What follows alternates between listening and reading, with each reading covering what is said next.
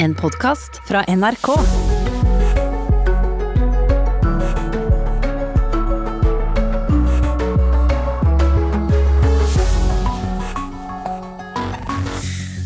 «41 mennesker som var om bord på Hurtigruten testet positivt for koronavirus. Reiselivet er nå redd for hva som kan bli konsekvensene. I dag kommer granskingsrapporten etter trygdeskandalen. Der får vi kanskje noen svar på hvorfor mange trygdemottakere kan være uriktig dømt for svindel. Så er det like før vi får vite hvem Joe Biden velger som visepresidentkandidat. Hva blir avgjørende for hvem han velger, og hvor viktig blir det for Bidens mulighet til å slå Trump i valget i november? Det skal vi snakke om her i Nyhetsmorgen. God morgen. Dette er altså noe av det vi har, hvis det hørtes tungt ut. Vi skal også anmelde årets eh, landeplager blant sommerlåtene, bare for å nevne noe. Ja, I studio Ugo Fermarello og Anne Jetlund Hansen. Reiselivsaktører frykter at smitteutbruddet på Hurtigruten skal påvirke det norske reiselivet. Mange aktører er helt avhengige av turistene som kommer reisende med nettopp Hurtigruten. Tove Reitan skulle ha reist til Svalbard før helgen, og tror både Hurtigruten og cruisetrafikken vil merke konsekvensene av utbruddet. Jeg tenker jo at det har generelt gjort det, absolutt. Og selvfølgelig for cruisenæringa så er det jo ikke positivt, da. Det, det tenker jeg jo. Det, det, er jo en plass hvor det blir stabla sammen og smitten kan være til stede. Og når en ser at rutinene svikter sånn som de har gjort til de grader, så, så tenker jeg at ja, det er jo ikke bra. Tove Reitan er en av passasjerene som fikk sin reise til Svalbard med Hurtigruten kansellert sist fredag. Hun tror både Hurtigruten og cruisetrafikken vil merke konsekvenser av hendelsen. Hun får støtte fra reiselivsjournalist og redaktør for reiseliv.no, Per Henriksen. Ja, det, altså det, er jo et negativt tilbakeslag for, eh, for reiselivet i, eh, i, Norge. Eh, og Norge som både reiselivsdestinasjon og som turoperatør, kan du si, for, for både nordmenn og, og, utlendinger. Fordi jeg syns jo at Hurtigruta håndterte dette veldig, veldig dårlig. Og det er ikke bare Hurtigruten som vil merke dette på besøkstallene. Mange reiselivsaktører, særlig i Nord-Norge, har mesteparten av kundene sine fra nettopp Hurtigruten. En av dem er Fjellheisen i Tromsø, og daglig leder Ole Johan Pedersen er bekymret. Hurtigruta er faktisk vår største enkeltkunde, og har eh, dem som bidrar til flest passasjerer på Fjellheisen i løpet av et normalår slik som situasjonen har vært nå i, sommer, så har det nok vært helt annerledes. da Hurtigruten ikke har bidratt med så mye. Men Hurtigruten er viktig, og Hurtigruten er viktig for reiselivet i Nord-Norge generelt. DFDS og Color Line, som driver med fergetrafikk mellom Norge og utlandet, er ikke like bekymret. De har innført smitteverntiltak som bl.a. innebærer at de har færre passasjerer om bord. Helge Otto Mathisen, som er konserndirektør for kommunikasjon og samfunnskontakt i Color Line, mener det er trygt å reise med deres ferger. Det er trygt å reise med Color Line. Det er trygt å reise rundt omkring i Norge hvis man følger smittevernreglene, hvis man oppfører seg og bruker hodet. Eh, det er alltid lurt. Eh, reglene er til for å følges. Reportere her det var Carl Biel, Tove Jensen og Anna Lea Poppe. Skjalg Fjellheim, politisk redaktør i Nordlys, god morgen. God morgen. Du sitter i Tromsø. Hurtigruten har hatt 41 mennesker om bord som har testet positivt for koronavirus, og de har innrømmet at de har gjort feil. De har ikke fulgt eh, anbefalingene for hvordan de skulle håndtere smittevern. Vi har hørt om konsekvensene for passasjerene. Hvilke konsekvenser eh, synes du Hurtigruten burde trekke av dette?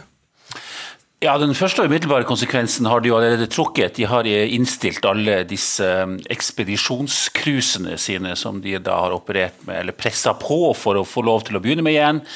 Eh, etter at pandemien brøt ut i mars. Og, og, og, Det fikk de da lov til omsider, og så har det gått helt galt. Så de har da sluttet med, med disse cruisene. Og så uh, handler det jo om å forsøke å rette opp uh, alle de feilene de har gjort i, i håndteringa av dette, og det er jo ikke rent lite. Dere skriver på lederplass at, at noen må gå.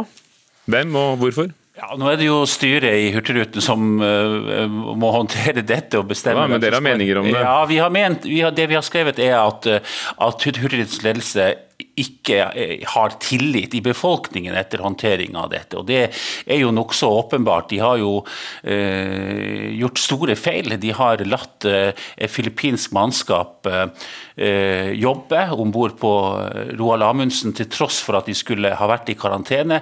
De har eh, sluppet passasjerer i land i Tromsø sist fri, fredag, til tross for at, at helsepersonell og Folkehelseinstituttet hadde advart mot at det kunne være et koronautbrudd om bord. Så det er jo begått eh, grove feil. og Vi har jo også sett en ledelse i selskapet som innrømmer at de ikke har kontroll midt i en stor internasjonal pandemi. Veldig alvorlig situasjon for Hurtigruten.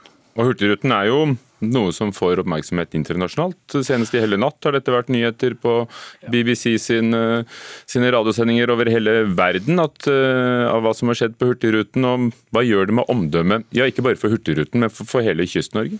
Ja, det, det, er jo som du sier, Dette er jo blitt internasjonale nyheter nå og florerer jo rundt uh, i, i, de store internasjonale mediene. Nei, det er klart Dette er en forferdelig situasjon, ikke bare for denne cruisetrafikken som Hurtigruta driver. Det er jo viktig å huske på at uh, det skipet vi snakker om her, som ligger til kai i Tromsø med, med, med 30-talls smittede uh, ansatte, det er jo en del av Hurtigrutens såkalte ekspedisjonscruisevirksomhet langs kysten. Det er ikke en del av den ordinære, tradisjonelle tradisjonelle hurtigruta, kystruta, som, eh, som, de fleste kjenner til.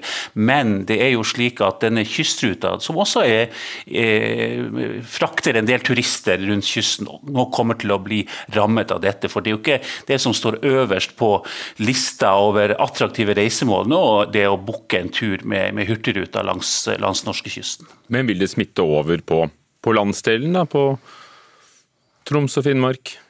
Ja, altså Det vil jo eh, ramme som vi også hører i innslaget her, det vil jo ramme reiselivet, det øvrige reiselivet i landsdelen, og også andre steder langs kysten i Norge som er avhengig av at turister fra Hurtigruta kommer i land for, eh, og, og, og, blir fraktet rundt av lokale operatører til ulike opplevelser eh, langs kysten. Så konsekvensene her kan bli store for ikke bare for Hurtigruten, men også for det øvrige reiselivet. Og Skjalg Fjellheim, vi, vi hørte jo at feil er blitt begått og det er blitt innrømmet. men er det også et politisk spørsmål? Eh, tok vi sjansen på å åpne for tidlig, eller myndighetene? da? Ja, altså det er klart at det er, jo, det er jo helsemyndighetene som har gitt Hurtigruten tillatelse til å starte opp med, med disse cruisene. eh, det kunne jo selvfølgelig ha gått bra dersom Hurtigruten hadde fulgt smittevernreglene, eh, hadde fulgt eh, den veilederen som Folkehelseinstituttet hadde utarbeidet. Det har de jo ikke gjort. Og det er jo det som har fått et sånt katastrofalt utfall, med en smittesituasjon der smitten sprer seg i hele landet. Takk skal du ha. Skjalg Fjellheim, politisk redaktør i Nordlys, med fra Tromsø.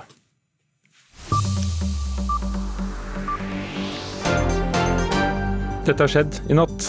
Det er påvist 66 tilfeller av koronavirussmitte det siste døgnet i Norge. Det viser tall fra Folkehelseinstituttet.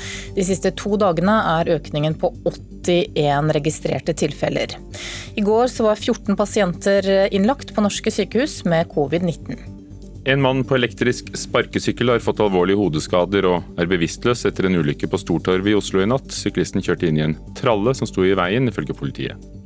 Statsadvokaten i New York gjør et nytt rettslig forsøk på å få tilgang til skatteoppgjøret til USAs president Donald Trump. Han etterforsker anklager om omfattende og langvarig kriminell atferd i presidentens private firma. Dette skjer i dag, og NRK Nyheter kan være et sted å, å følge med. Utvalget som har gransket trygdeskandalen overrekker sin utredning i dag. I fjor høst ble det klart at Nav har feiltolket regelverket for å, for å motta sykepenger, arbeidsavklaringspenger og pleiepenger under opphold i andre land i EØS-området. Og Det har ført til at en rekke mennesker kan ha blitt feilaktig dømt for svindel. Karlsøyfestivalen åpner i dag, men ikke på Karlsøya i Troms som vanlig, men på internett. Det blir konserter sendt direkte fra Portland i Oregon i USA, Hellas, Irak og flere andre steder. Festivalen begynner med en kunstvandring fra Karlsøya og tradisjonen tro, med visning av dokumentarfilmen 'Karlsøya mellom geiter, rock og Muhammed'. Årets tema er revolt. Det er eh, flere som kanskje kjenner at de må ta litt sats for å komme i gang på jobb igjen etter sommerferien. Og for tidligere skattedirektør Hans Christian Holte handler det virkelig om å brette opp eh, ermene. I går hadde han sin første arbeidsdag som ny Nav-direktør. I fjor høst ble det kjent at en rekke trygdemottakere kan være uriktig dømt for svindel fordi Nav har tolket regelverket feil, og i dag legges granskingsrapporten etter trygdeskandalen frem.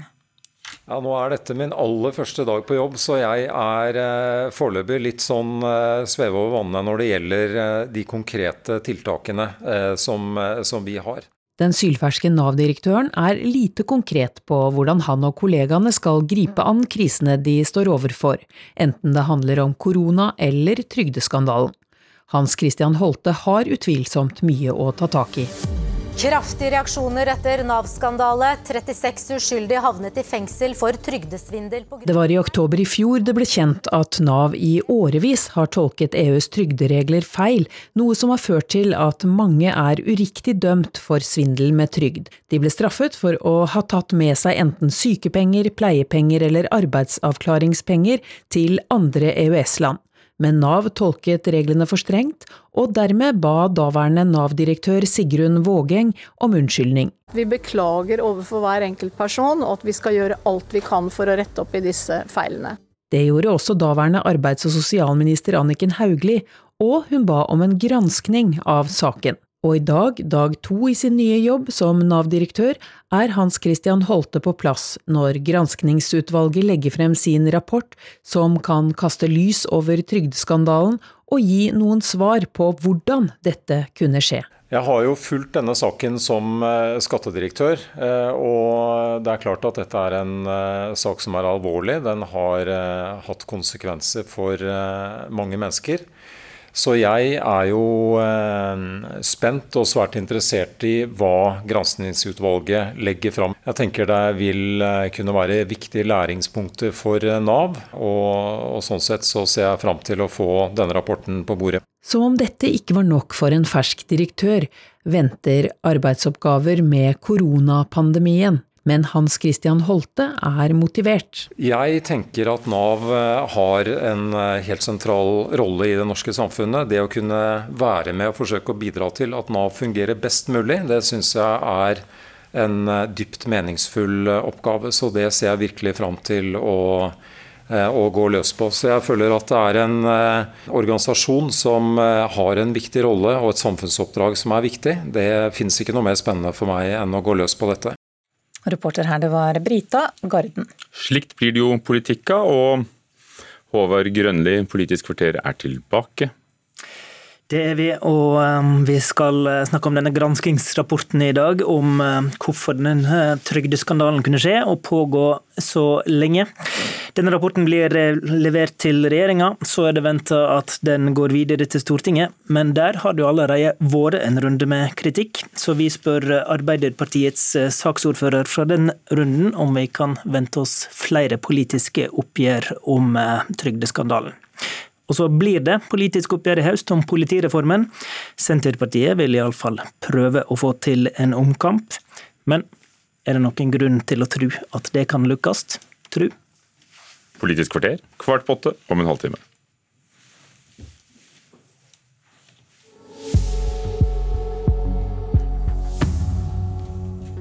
«16 minutter over sju er klokka blitt. Du lytter til Nyhetsmorgen, og dette er hovedsakene våre. Reiselivet frykter for omdømmet for bransjen over hele landet etter smitteutbruddet på Hurtigruten. I Oslo har en mann på elektrisk sparkesykkel fått alvorlige hodeskader etter en ulykke på Stortorvet i natt. Spanias tidligere konge Juan Carlos flytter fra Spania. De siste ukene har han blitt anklaget for korrupsjon, og Høyesterett har åpnet etterforskning.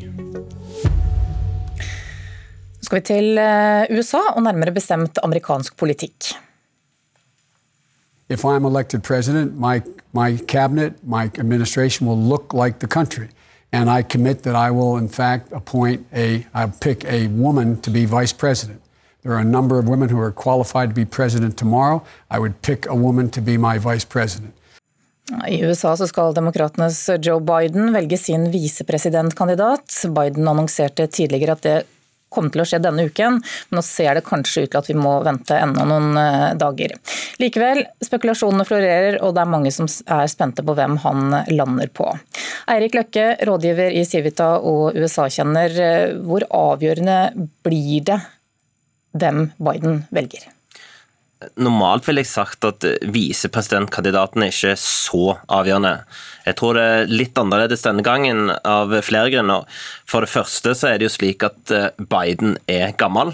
Eh, hvis han blir valgt, så blir han den eldste presidenten noensinne. For det andre så har det vært spekulasjoner og spørsmål, et legitimt spørsmål vil jeg si, om eh, Bidens kognitive evner og, og funksjoner. Så hvem han velger denne gangen, kommer til å bli viktigere enn normalt sett, vil jeg si. Ja, hvilke kriterier eh, blir avgjørende da, eh, når Biden skal velge kandidat? Tove Bjørgaas, eh, tidligere USA-korrespondent og nå utenriksreporter. Vi har hørt, vi hørte han si her at han, han skal velge en, en, kvinne. og Etter det som skjedde for fire år siden da Hillary Clinton ikke vant valget, og, så det, har det vært et slags folkekrav at det skulle bli en kvinnelig presidentkandidat. Men nå må det i hvert fall bli en visepresidentkandidat. Det er ett krav. Men så har han også sagt at han vil velge en Han har nærmest antydet at han vil velge en afroamerikansk kvinne. Og dette er jo særlig etter alle disse demonstrasjonene som har vært de siste månedene. Eh, men også fordi Biden har, eh, har veldig mye å takke det afroamerikanske miljøet i USA for. Han har alltid vært populær der, men de har også hjulpet ham fram i hans politiske karriere. Og jeg tror også det som skjer med koronapandemien nå, der etniske minoriteter i USA er veldig hardt rammet.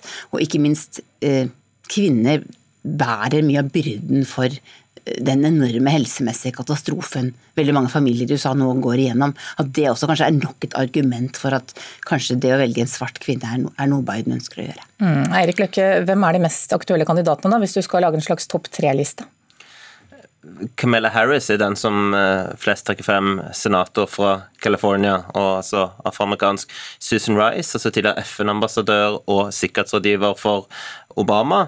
Eh, de to som det nå spekuleres mest om, og hvem skal på tredjeplass? Eh, Karen Bass, som er leder av Black Caucus altså i Representantenes hus, har kommet nå fram på slutten. Så mange spekulerer om at det er de tre som ligger som en topp tre-liste.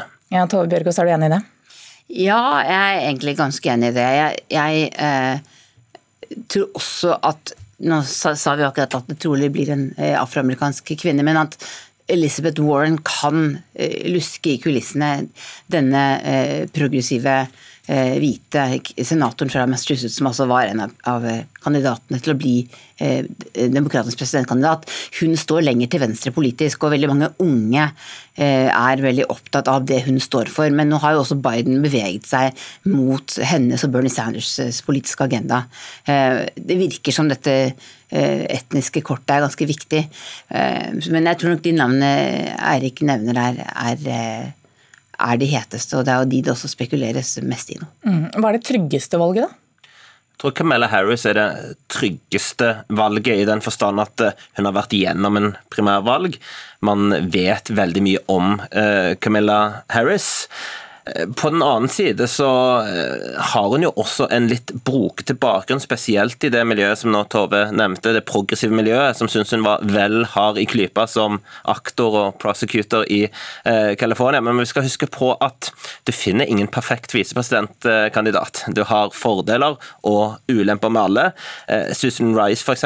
har jo aldri stilt til valg og vært på valgturné eller vært i valgkampanje, selv om hun har veldig stor autoritet og mye kunnskap om utenrikspolitikken som er viktig. Så det blir, så det blir å, balansere disse tingene. Jeg tror at det aller viktigste blir hvem er det Joe Biden er mest komfortabel med. Eh, og Det er derfor det kanskje nå blir utsatt bitte litt, for de har noen kvaler her. De skal ha personlige samtaler, de som er aktuelle med Joe Biden. Og disse samtalene her tror jeg blir veldig viktige. Mm, hva, vet vi om det forholdet han har da, til disse kandidatene? Vi vet bl.a. at Camilla Harris kritiserte ham veldig kraftig i noen av de debattene som var tidligere i, valgkampen. kom med ganske harde angrep mot ham.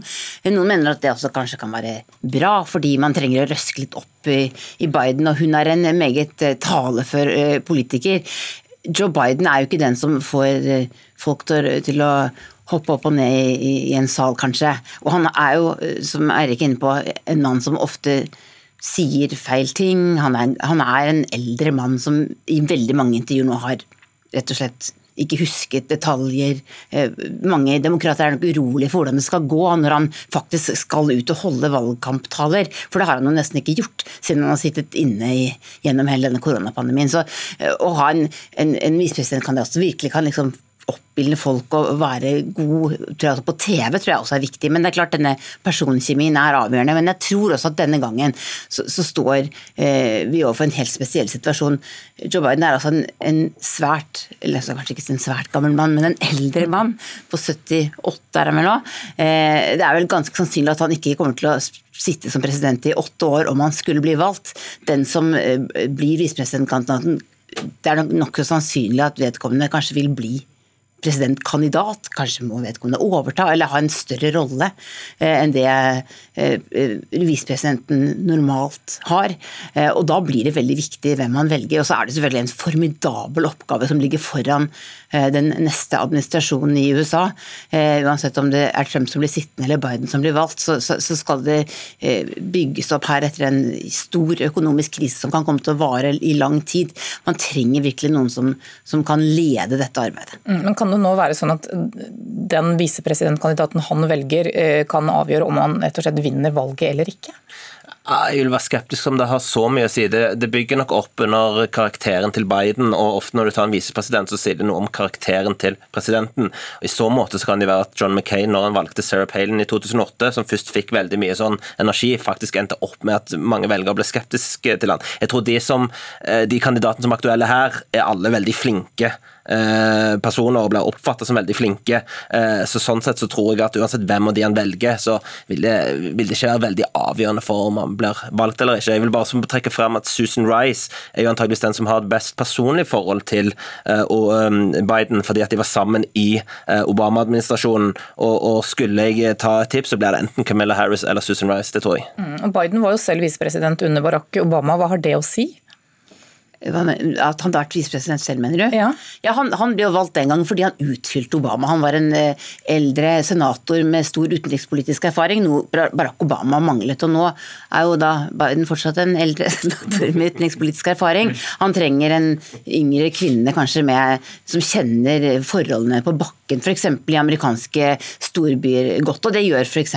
Camelot Harris. Men, eh, men, det er klart, eh, han trenger også noen som kan hjelpe til med den økonomiske oppbyggingen. som som kan eh, dra med seg de unge, som kan lage en ny framtid for millioner amerikanere. Det kan f.eks. Elizabeth Warren gjøre.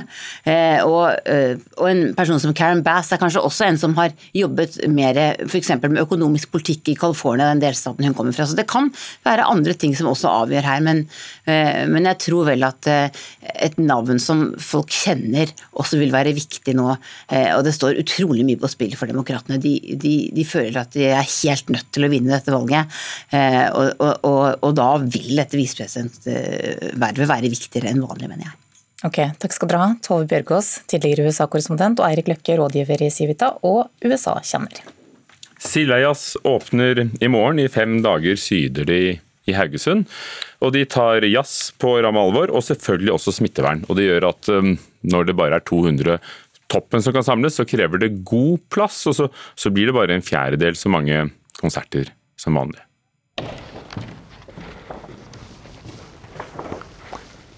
Her ser en en meter, og det er det som trengs mellom, eh, mellom eh, hver eh, person eller husstand. Det skal være én meter skulder til skulder i, i sånne saler som dette. Sillajas sjef Andreas Mæland sjekker ut énmetersregelen i festiviteten i Haugesund. Mindre enn en tredjedel av setene ble tatt i bruk under festivalen, og smittevern er det aller viktigste. Veldig mye av det folk forbinder med Sildajazz er ikke mulig å gjennomføre i år. Jazzparade, eh, trengsel i gatene, eh, gratiskonserter med stående publikum, eh, konserter på utesteder på kaien. Ingenting av dette er mulig hvis vi skal klare å opprettholde smittevernet. Så da avlyste vi det. Og så har vi siden mai bygd opp festivalen på ny. Eh, ut fra de eh, kriteriene som gjelder og de rammene vi har. Hva, hva, har vært eh, vanskeligst eller mest utfordrende når det gjelder dette med smittevern? Personlig så syns jeg det mest utfordrende var usikkerheten. Å gå og vente på å, å, få vite om vi fikk lov eller ikke, om det var mulig å få til noe eller ikke. Det var det som tæra mest på meg. Så fort vi fikk eh, satt rammene, eh, så syns jeg ikke det har vært så skremmende og utfordrende, egentlig. Det har vært eh, rammer det har vært lett å forholde seg til, syns jeg.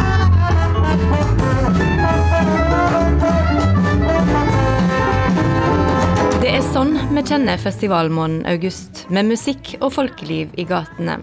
Men i år blir alt annerledes, og nå har det vært et nytt smitteutbrudd i byen. Nei, Det er jo ikke gøy med smitteutbrudd. Jeg skulle jo selvfølgelig ønske at det ikke skjedde. Men jeg er samtidig ikke så veldig skremt. Det er jo noe som har blitt varsla hele veien, at vi må regne med at det kommer smitteutbrudd, både små og større, eh, jevnlig utover eh, sommeren og høsten. Heller ikke smittevernlege Theis Kvale er bekymra. Eh, jeg tenker at uh, Sildajazzen uh, ser ut til å ta smittevernet på alvor. Og, og, og, jeg har veldig stort fokus på både god håndvask og avstand og distanse.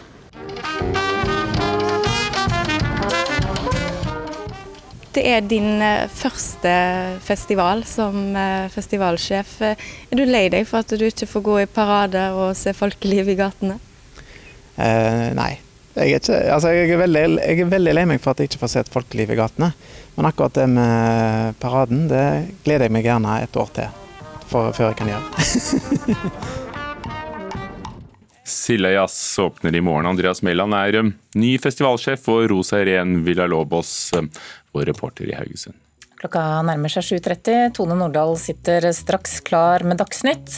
Og etter det så skal du få være med til et eh, mikrobryggeri hvor to brødre brygger øl med ja, noe så spenstig som en sjøsamisk vri, faktisk. Og det går bedre for de små bryggeriene enn mange spådde.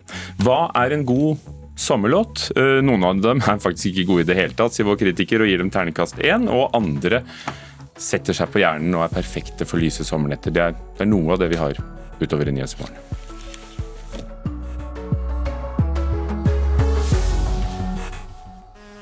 Sommer i P2. Den klassiske dramaturgien bygger på ideen om fri vilje. Men hva om premisset er feil? Om viljen ikke er fri? Er fortellingene vi omgir oss med egentlig bare forfalskninger? Mitt navn er Siv Reindram Eliassen, og i mitt Sommer i P2 skal jeg fundere litt rundt dette. Sommer i P2. I dag klokka ti og når du vil i appen NRK Radio.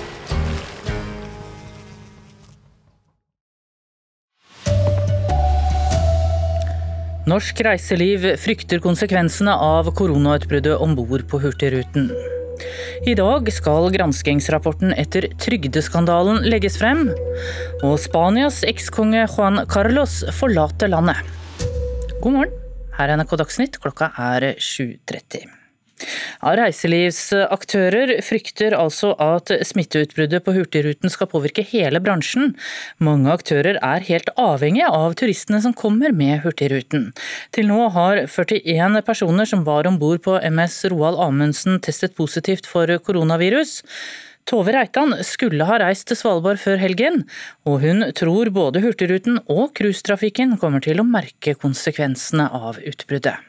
Det er jo en plass hvor det blir stabla sammen og smitten kan være til stede. Og når en ser at rutinene svikter sånn som de har gjort til de grader, så, så tenker jeg at eh, ja, det er jo ikke bra. Tove Reitan er en av passasjerene som fikk sin reise til Svalbard med Hurtigruten kansellert sist fredag. Hun tror både Hurtigruten og cruisetrafikken vil merke konsekvenser av hendelsen. Hun får støtte fra reiselivsjournalist og redaktør for reiseliv.no, Per Henriksen. Det er jo et negativt tilbakeslag for, eh, for reiselivet i, eh, i, Norge. For både nordmenn og, eh, og utlendinger. Fordi jeg syns jo at Hurtigruta håndterte dette veldig, veldig dårlig. Og det er ikke bare Hurtigruten som vil merke dette på besøkstallene. Mange reiselivsaktører, særlig i Nord-Norge, har mesteparten av kundene sine fra nettopp Hurtigruten. En av dem er Fjellheisen i Tromsø, og daglig leder Ole Johan Pedersen er bekymret de som bidrar til flest passasjerer på Fjellheisen i løpet av et normalår. Hurtigruten er viktig for reiselivet i Nord-Norge generelt. DFDS og Color Line, som driver med fergetrafikk mellom Norge og utlandet, er ikke like bekymret. De har innført smittevernstiltak som bl.a. innebærer at de har færre passasjerer om bord. Helge Otto Mathisen, som er konserndirektør for kommunikasjon og samfunnskontakt i Color Line, mener det er trygt å reise med deres ferger. Det er trygt å reise med Color Line. Det er trygt å reise rundt omkring i Norge hvis man følger smittevernreglene. Eh, reglene er til for å følges. Ja, og konsernsjefen eh, hos Hurtigruten Daniel Skjeldam har innrømmet at selskapet har gjort feil, og at det har skjedd rutinesvikt hos dem. Saken blir nå etterforsket. Reportere her var Carl Biel, Tove Jensen og Anna Lea Poppe. I dag skal granskingsrapporten etter trygdeskandalen legges frem. I fjor høst ble det kjent at en rekke trygdemottakere kan være uriktig dømt for svindel fordi Nav har tolket regelverket feil. Tidligere skattedirektør Hans Christian Holte startet i går på sin nye jobb som Nav-direktør, og han er spent på det som skal komme i dag. Ja, Nå er dette min aller første dag på jobb, så jeg er eh, foreløpig litt sånn eh, sveve over vannet når det gjelder eh, de konkrete tiltakene. Den sylferske Nav-direktøren er lite konkret på hvordan han og kollegaene skal gripe an krisene de står overfor, enten det handler om korona eller trygdeskandalen. Hans Christian Holte har utvilsomt mye å ta tak i.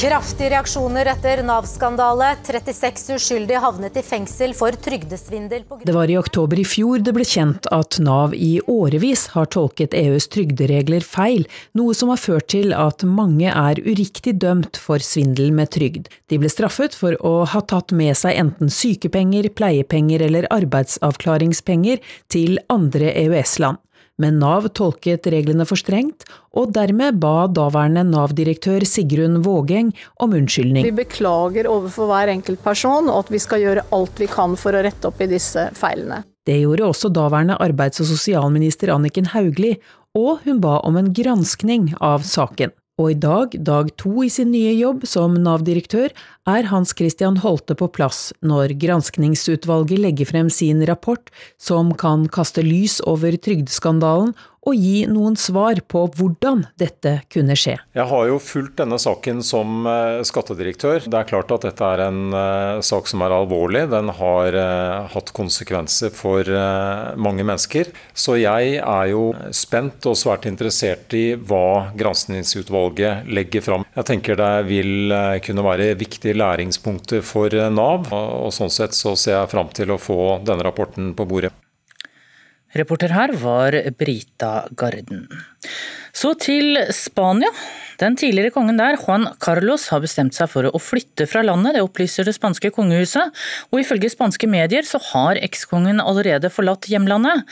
Han har de siste ukene blitt anklaget for omfattende korrupsjon, og det er satt i gang etterforskning.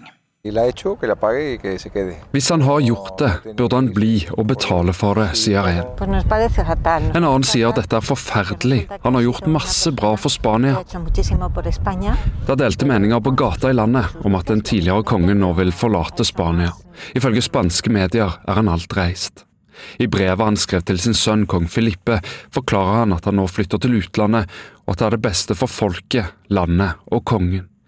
Det er en avgjørelse jeg tar, full av følelser og med dyp sinnsro, skrev han. Bakgrunnen for den overraskende beslutningen er beskyldninger om korrupsjon. Han er under etterforskning knyttet til en spansk milliardkontrakt med Saudi-Arabia om bygging av en høyhastighetsjernbane. Cuando el pasado enero cumplí 76 años, Juan Carlos den første abdiserte i 2014.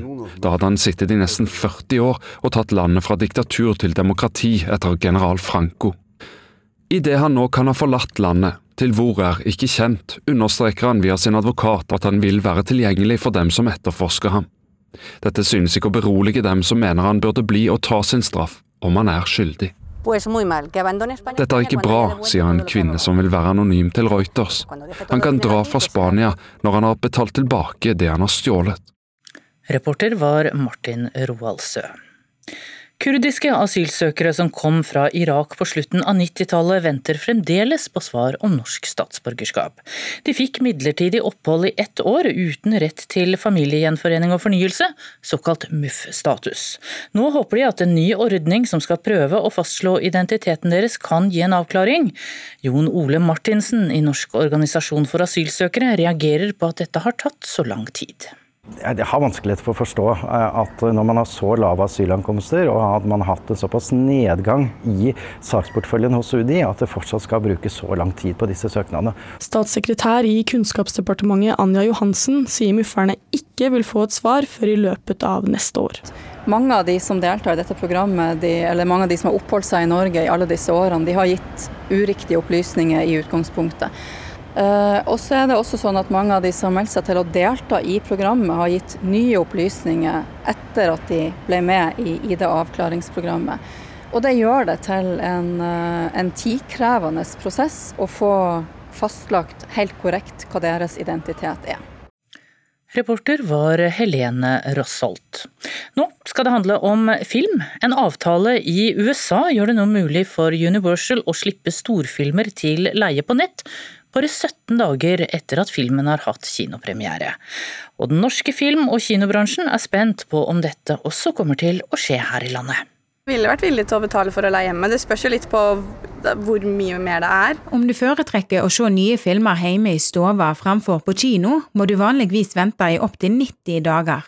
Men den amerikanske giganten Universal Studios har nå inngått en avtale med verdens største kinokjede AMC Theaters som gjør det mulig å leie filmene digitalt bare 17 dager etter kinopremiere. AMC Theaters eier den norske kinokjeden Odeon. Maria Ekerhovd, som er produsent i Merfilm, mener at film- og kinobransjen i Norge trolig vil bli påvirka av avtalen på sikt. Hun tror også at det kan være positivt.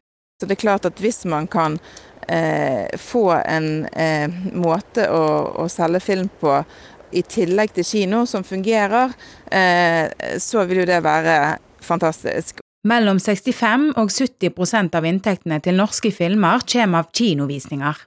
Administrerende direktør i bransjeorganisasjonen Film og Kino, Guttorm Petterson, synes avtalen kom overraskende og er ikke positiv. Nei, jeg, jeg, tror ikke eh, det er en god forretningsmodell, for å si det slik.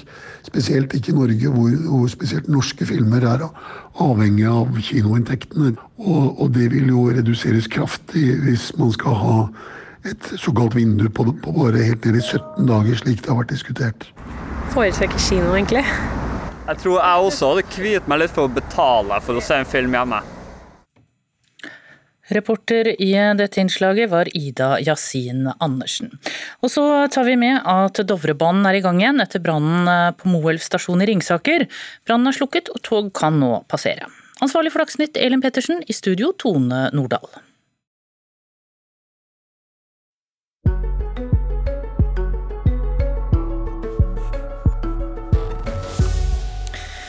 Klokka er 7.40 nå, du lytter til Nyhetsmorgen. For noen år siden ble det spådd massedød for mikrobryggerinæringen. Flere var bekymret for at det ble etablert for mange på for kort tid.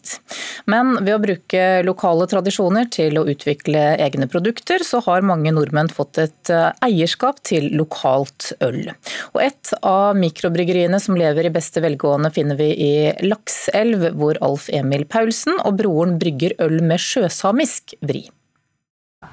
Altså her nå så er det jo lokalbefolkninga som bruker oss eh, aktivt, og det er dem som vil ha litt ekstra når de skal ha øl. Så jeg har jo fortsatt inntrykk av at det er, jo, det er mange som, eh, som kjøper eh, industriølet, og så kommer de hit og så tar de med seg noen flasker med yoga også for å ha noe ekstra godt. Det sier Alf Emil Paulsen. I 2017 stifta han og broren Juga mikrobryggeri. De har valgt å bruke sitt opphav og si historie i ølbrygginga. Jeg har jo, jeg har jo sjøsamisk og kvensk bakgrunn, eller arv, kan man si. da. Så um, vi prøver å bruke de ingrediensene som er brukt tidligere, selv om det ikke nødvendigvis er brukt i øl. Så gammel, gammel kunnskap om uh, urter og vekster. Har du noen eksempel på, på sånne urter og vekster? Ja, da, jo, da, vil jeg jo si at uh, chagaen er det vi kanskje bruker mest av. Da. Det, er en, uh, det er en sopp som vokser på bjørketreet, som, som, gir en veldig bra aroma i ølet. I tillegg til at uh, den er stappfull av antioksidanter. Vi prøver å bruke det vi klarer å finne som, som funker bra i øl. Så vi er litt sånn at vi, vi er ute, mye ute og går i naturen og spiser det vi finner, og plutselig så finner vi ingredienser som passer helt utmerket i øl. Og det kan være seg alt fra multebær til chaga til urter og tang. Å bruke lokale tradisjoner til å utvikle særegne produkt, det ser ut til å være en fellesnevner for alle de ulike mikrobryggeriene i Norge. Og kommunikasjonsansvarlig i Bryggeriforeninga, Hege Ramseng, hun sier dette er en del av suksessoppskrifta til at norske småbryggeri klarer seg. For eh, hvordan eh, står det egentlig til? Eh, det står faktisk ganske bra til med mikrobryggeriene i, i dag. Vi har ikke mista så veldig mange. Vi har ca. 135 medlemmer. Rundt 2017 eksploderte interessen for mikrobrygg. Og tallet på mikrobryggeri gikk fra å være håndfull til rundt 150. Året etter uttalte Bryggeriforeninga at de ikke ble overraska om halvparten av de 150 mikrobryggeriene var borte om to år. Nå har det gått to år. Det ble ingen massenedlegging. Man undervurderte hvor lojal eh, norske forbrukere er med eh, det norske ølet. Det norske ølet er veldig viktig for eh, den norske forbruker. Folk har en, eh, en, eh, et eierskap til sitt lokale bryggeri, og det er viktig for det med det lokale ølet over hele Norge. Altså, Mikrobryggerier er veldig populært, og det er en kjempepositiv utvikling innenfor det. Folk er veldig interessert i det, og det lages etter hvert utrolig mye godt, godt, øl i Norge. Og det er også et veldig, sånn, veldig bra miljø. Det er utrolig hyggelige folk som driver med øl generelt sett. Så hva du tror om eh, framtida til eh, bryggeriet her, da? Jeg tror at dette bryggeriet kommer til å vokse sakte, men sikkert. Det skal, det skal aldri bli noe industrielt. I hvert fall ikke mens det er som driver det. Eh, men jeg tror det kommer til å være en sakte, men sikker utvikling, og kommer nye sorter.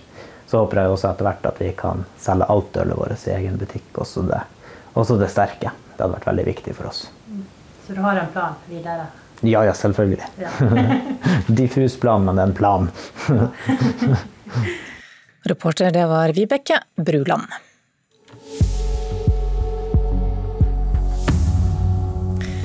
Klokka er 7.44. Du lytter til Nyhetsmorgen, og dette er hovedsaker hos oss. Reiselivsaktører frykter at smitteutbruddet på Hurtigruten skal påvirke hele bransjen. Smittetallene i Frankrike er nå på rødt nivå. Beregninger NRK har gjort viser at landet har 21,7 koronasmittede per 100 000 innbyggere de siste 14 dagene. Da er det klart for Politisk kvarter. Håvard Grønli sitter klar med sine gjester.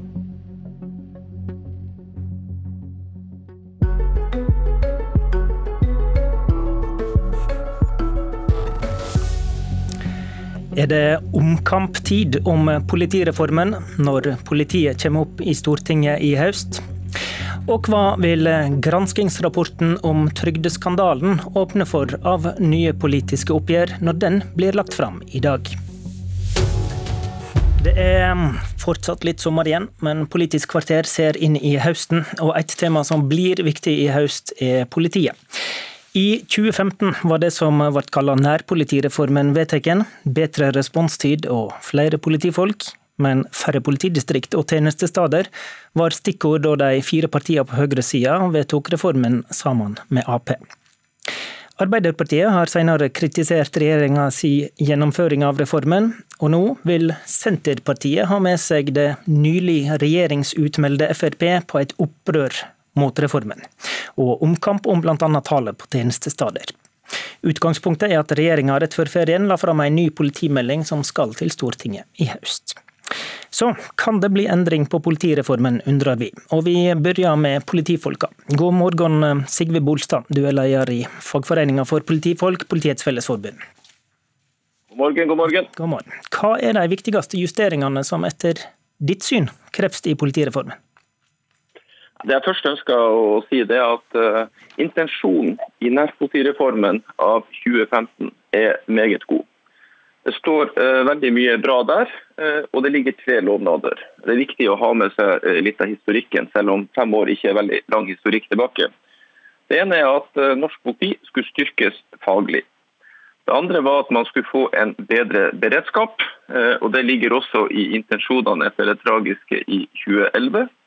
Og Det siste og noe av det viktigste var at befolkninga skulle få et nærpoliti. Altså et politi som var til stede for befolkninga. Det var de tre helt klare intensjonene.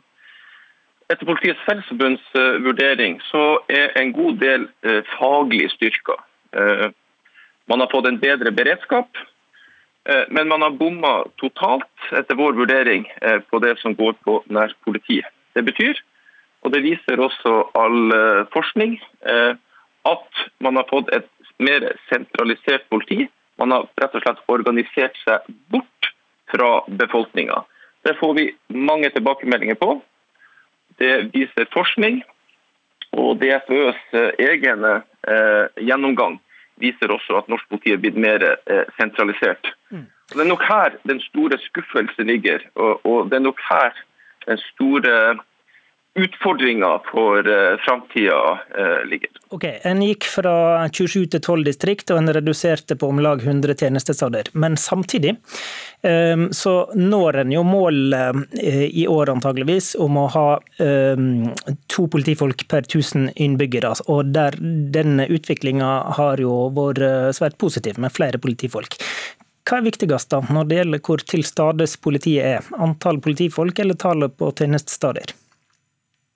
Ja, altså Hvis man skal kunne serve publikum og være til stede der publikum uh, bor, så må man definitivt ha nok, ha nok politi. Man må også ha nok sivile. Altså må, dette må suppleres, for det er behov for en bredde i forhold til, i forhold til det faglige. Men klarer, Men, klarer du å svare på spørsmålet hva er viktigst, antallet folk eller antallet tjenestesteder?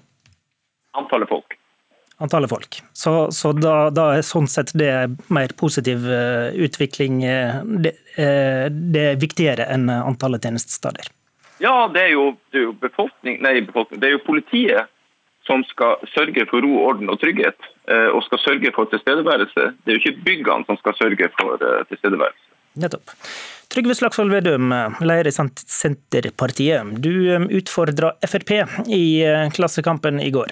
Hva er utfordringa di? Frp hadde jo justisministeren når man gjennomførte tidenes sentralisering av norsk politi. Og så Alle vi som er folkevalgte reiser rundt, får stadig mer tilbakemeldinger på at politiet ikke kommer på skadested når ting skjer. Det er brannvesenet som gjør jobben. Man får tilbakemeldinger på at det forebyggende arbeidet blir dårligere fordi at det lokale politiet ikke kjenner de lokale forholdene lenger. Og at det har vært en veldig stor indre sentralisering i politiet.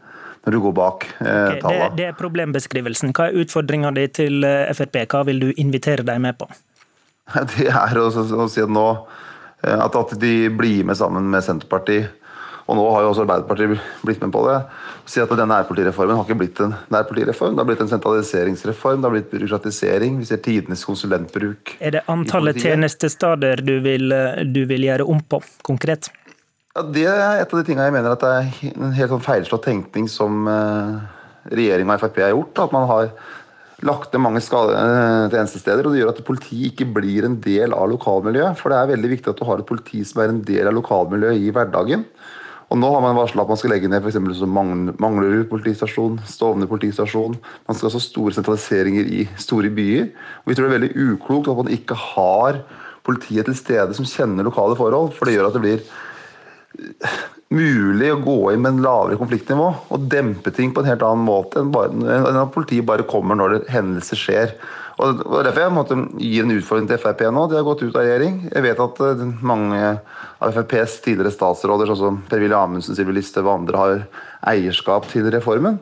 Men eh, jeg håper at grasrota Frp sier fra til eh, ledelsen at nok er nok. Nå bør Stortinget sørge for at det er politi i alle steder i landet og sier at hun skal ikke ha enda nye sentraliseringsrunder. Ja, nå er det en okay, runde så, i Oslo.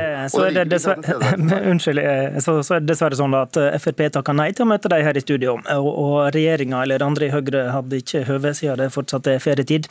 Men eh, jeg kan jo eh, referere Frp sitt svar til deg i Klassekampen ved tidligere justisminister Per-Willy Amundsen. Han sier Eh, som, eh, som, for så vidt eh, Bolstad her også var inne på til slutt. Det er ikke antall kontor som er viktig.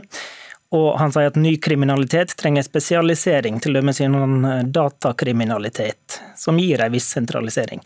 Med SPs logikk hadde vi ikke hatt kompetanse til å etterforske overgrep mot barn på nett. Du lever i 1970, sa Amundsen til Klassekampen. Du ofrer vel noe av det han er inne på, om du skal prioritere lokalkontor framfor spesialisering? Det er den forenklinga der som er så grov fra Per-Willy Amundsen og FrPs justisministre. for man man trenger begge deler. Altså det var jo egentlig under Knut Storberget man satte i gang den store aksjonen og satsinga når det gjaldt eh, seksuallovbrudd, eh, overgrep mot barn, bevisstheten rundt det. Det har skjedd en stor endring i politiet over tid, og det er veldig mye dyktige folk som jobber med det. Men så må man huske på at ca. 90% av lovbruddet er det man kaller vanlig kriminalitet, altså som vinning, narkotika, trafikk, vold. Eh, så den store bredden av kriminalitet er der. Og, og, og politimeldinga ja, sier at det er politiet ute i politidistriktene som skal bli styrka framover, men at tallet på tjenestesteder ligger fast. da. Hvorfor, hvorfor er ikke det tilstrekkelig for deg hvis, hvis distriktene blir eh, styrka med, med ressurser og folk? Fordi at vi har sett, Nå skrev vi akkurat det samme i stortingsmeldinga 2015, at man skulle styrke, eh, satse lokalt. Han eh, fant jo på ordet nærpolitireform for at man skulle satse på det nære. Men så har vi jo sett resultatene av de grepene regjeringa har gjort, at det har akkurat ført til det motsatte. Og Når du ser bak de fine ordene, så er det akkurat stø kurs, samme retning, mer sentralisering. Og det er jo prosesser nå på å legge ned flere tjenestesteder, og ikke opprette flere. Og så må vi også se på det som er litt skummelt, er at vi ser at brannvesenet nå stadig oftere er de som er først på skadested. Man begynner å ha opplæring på brannfolk for at de skal kunne gå inn i hendelser der det er grov vold, såkalte PLIV-hendelser. Så skal lokale brannkonstabler inn og ordne opp i det, i stedet for at det er politiet som gjør det. Og Det er den utviklingen jeg ikke kan akseptere, at det stadig oftere er sånn at ikke politiet kommer tidsnok. At det er lokale redningsmannskaper som må gjøre jobben som politiet egentlig skulle ha gjort. Og Vi ser det også delvis innenfor helse. At staten trekker seg ut fra deler av Norge. At ambulansen kommer stadig seinere. Og, Det er det som er et nederlag for Norge. Ett land. Vi må ha tilstedeværelse i alle deler av Norge. Greit. Sigve Bolstad. Sigve Bolstad, En av regjeringa sine tanker med reformen er jo at politiet skal være der behovet er og kriminaliteten skjer. Og det er oftere og oftere eh, på nett, eller, eller, på andre måter er det kriminaliteten uavhengig av tid og stad. Hvis en skal bruke ressursene på å bemanne flest mulige geografiske steder, kan en da risikere å gå motsatt vei av kriminalitetsutviklinga? Det blir å snu alt helt på, på hodet. Så det er liksom spørsmål. Skal, du, skal man ha generalisten, skal man, eller skal man ha tilstedeværelsen, eller skal man ha spesialiseringa? Vi mener helt klart at man trenger begge deler, og det må komme i tillegg til. Det går ikke an å si at vi fjerner oss fra publikum, spesialiserer vi enkelte typer oppgaver. Vi hadde en undersøkelse blant våre tolv lokaler, lokallag der spørsmålet var veldig enkelt. Har politiet i ditt distrikt kommet nærmere publikum? Samtlige tolv svarte nei.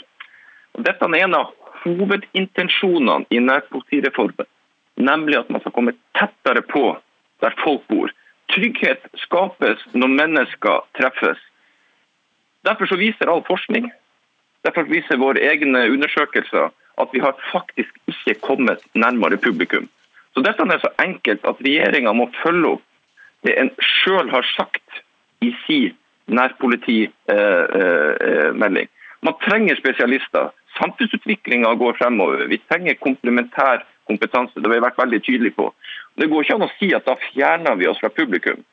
Regjeringa sier jo sjøl i denne uh, politimeldinga at man har svikta distriktene, man har svikta de geografiske driftsenhetene, altså ute der folk bor. Og så har man styrka det som går på den faglige styrkingen av norsk politi. Okay. Og beredskapen. Og det stemmer, oss, uh, flere, det stemmer at det er tilført flere milliarder kroner til, til norsk politi, men det har gått og Det går til et nasjonalt beredskapssenter, helikopter Ok, vi må gi oss der, eh, vi må gi oss der Bolstad, så, så får vi nok høre fra regjeringa etter hvert om dette utover høsten. Abonner på Politisk kvarter som podkast, og få sendinga rett til din mobil. Den store politiske saka tidlig i stortingsåret 1920 før koronaviruset overskugga alt, det var trygdeskandalen. Saka om at trygdemottakere feilaktig hadde fått både avslag, tilbakebetalingskrav og dommer mot seg fordi de oppholdt seg i andre europeiske land.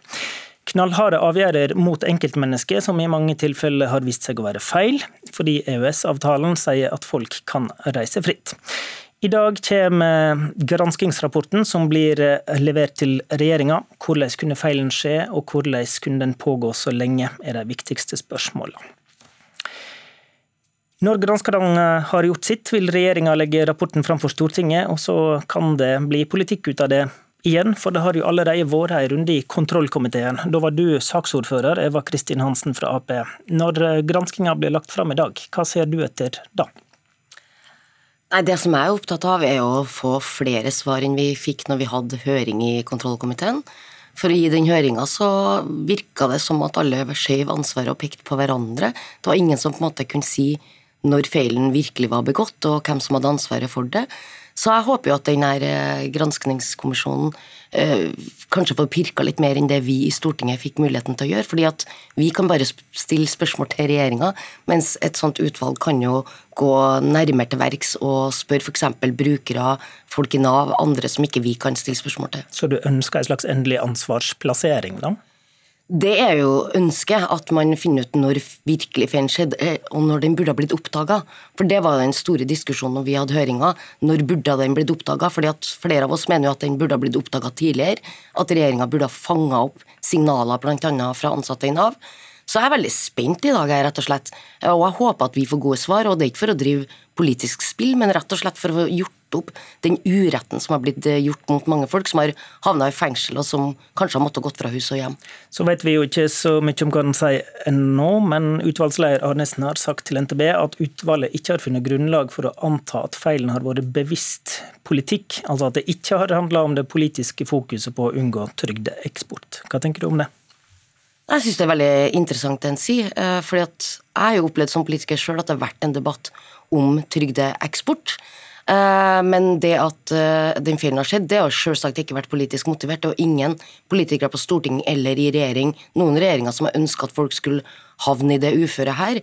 Men nå må det jo bli rydda opp i den saken, så jeg er jo veldig spent på om kanskje rapporten også peker litt fremover. Hva er det man bør gjøre? For det er en veldig vanskelig sak, det her. Mm. Det er saker som blir liggende i rettssystemet. Det er folk som skal ha erstatning. Det blir krevende fremover, men vi må nødt til å virkelig hive oss rundt i Stortinget for å gjøre det beste for folk. Kort eh, til slutt. Sist samla opposisjon seg om kritikk, men arbeidsminister Hauglie har slutta, og Frp stilt seg sammen med regjeringa. Hva slags oppgjør er det mulig å gjøre og repetere, da? Jeg tenker at Stortinget trenger å få svar. Eh, folket trenger å få svar. Eh, sånn at når vi får den saken her til Stortinget, så håper jeg vi får en grundig gjennomgang, og at vi ikke driver med politisk spill, men at vi skal gjøre det beste for de folkene som er ramma av den saken her. Da får vi se hva som skjer etter at rapporten er lagt fram. Takk for at du kom, Eva Kristin Hansen. I studio i dag, Håvard Grønli. Du har hørt en podkast fra NRK. Hør flere podkaster og din NRK-kanal i appen NRK Radio.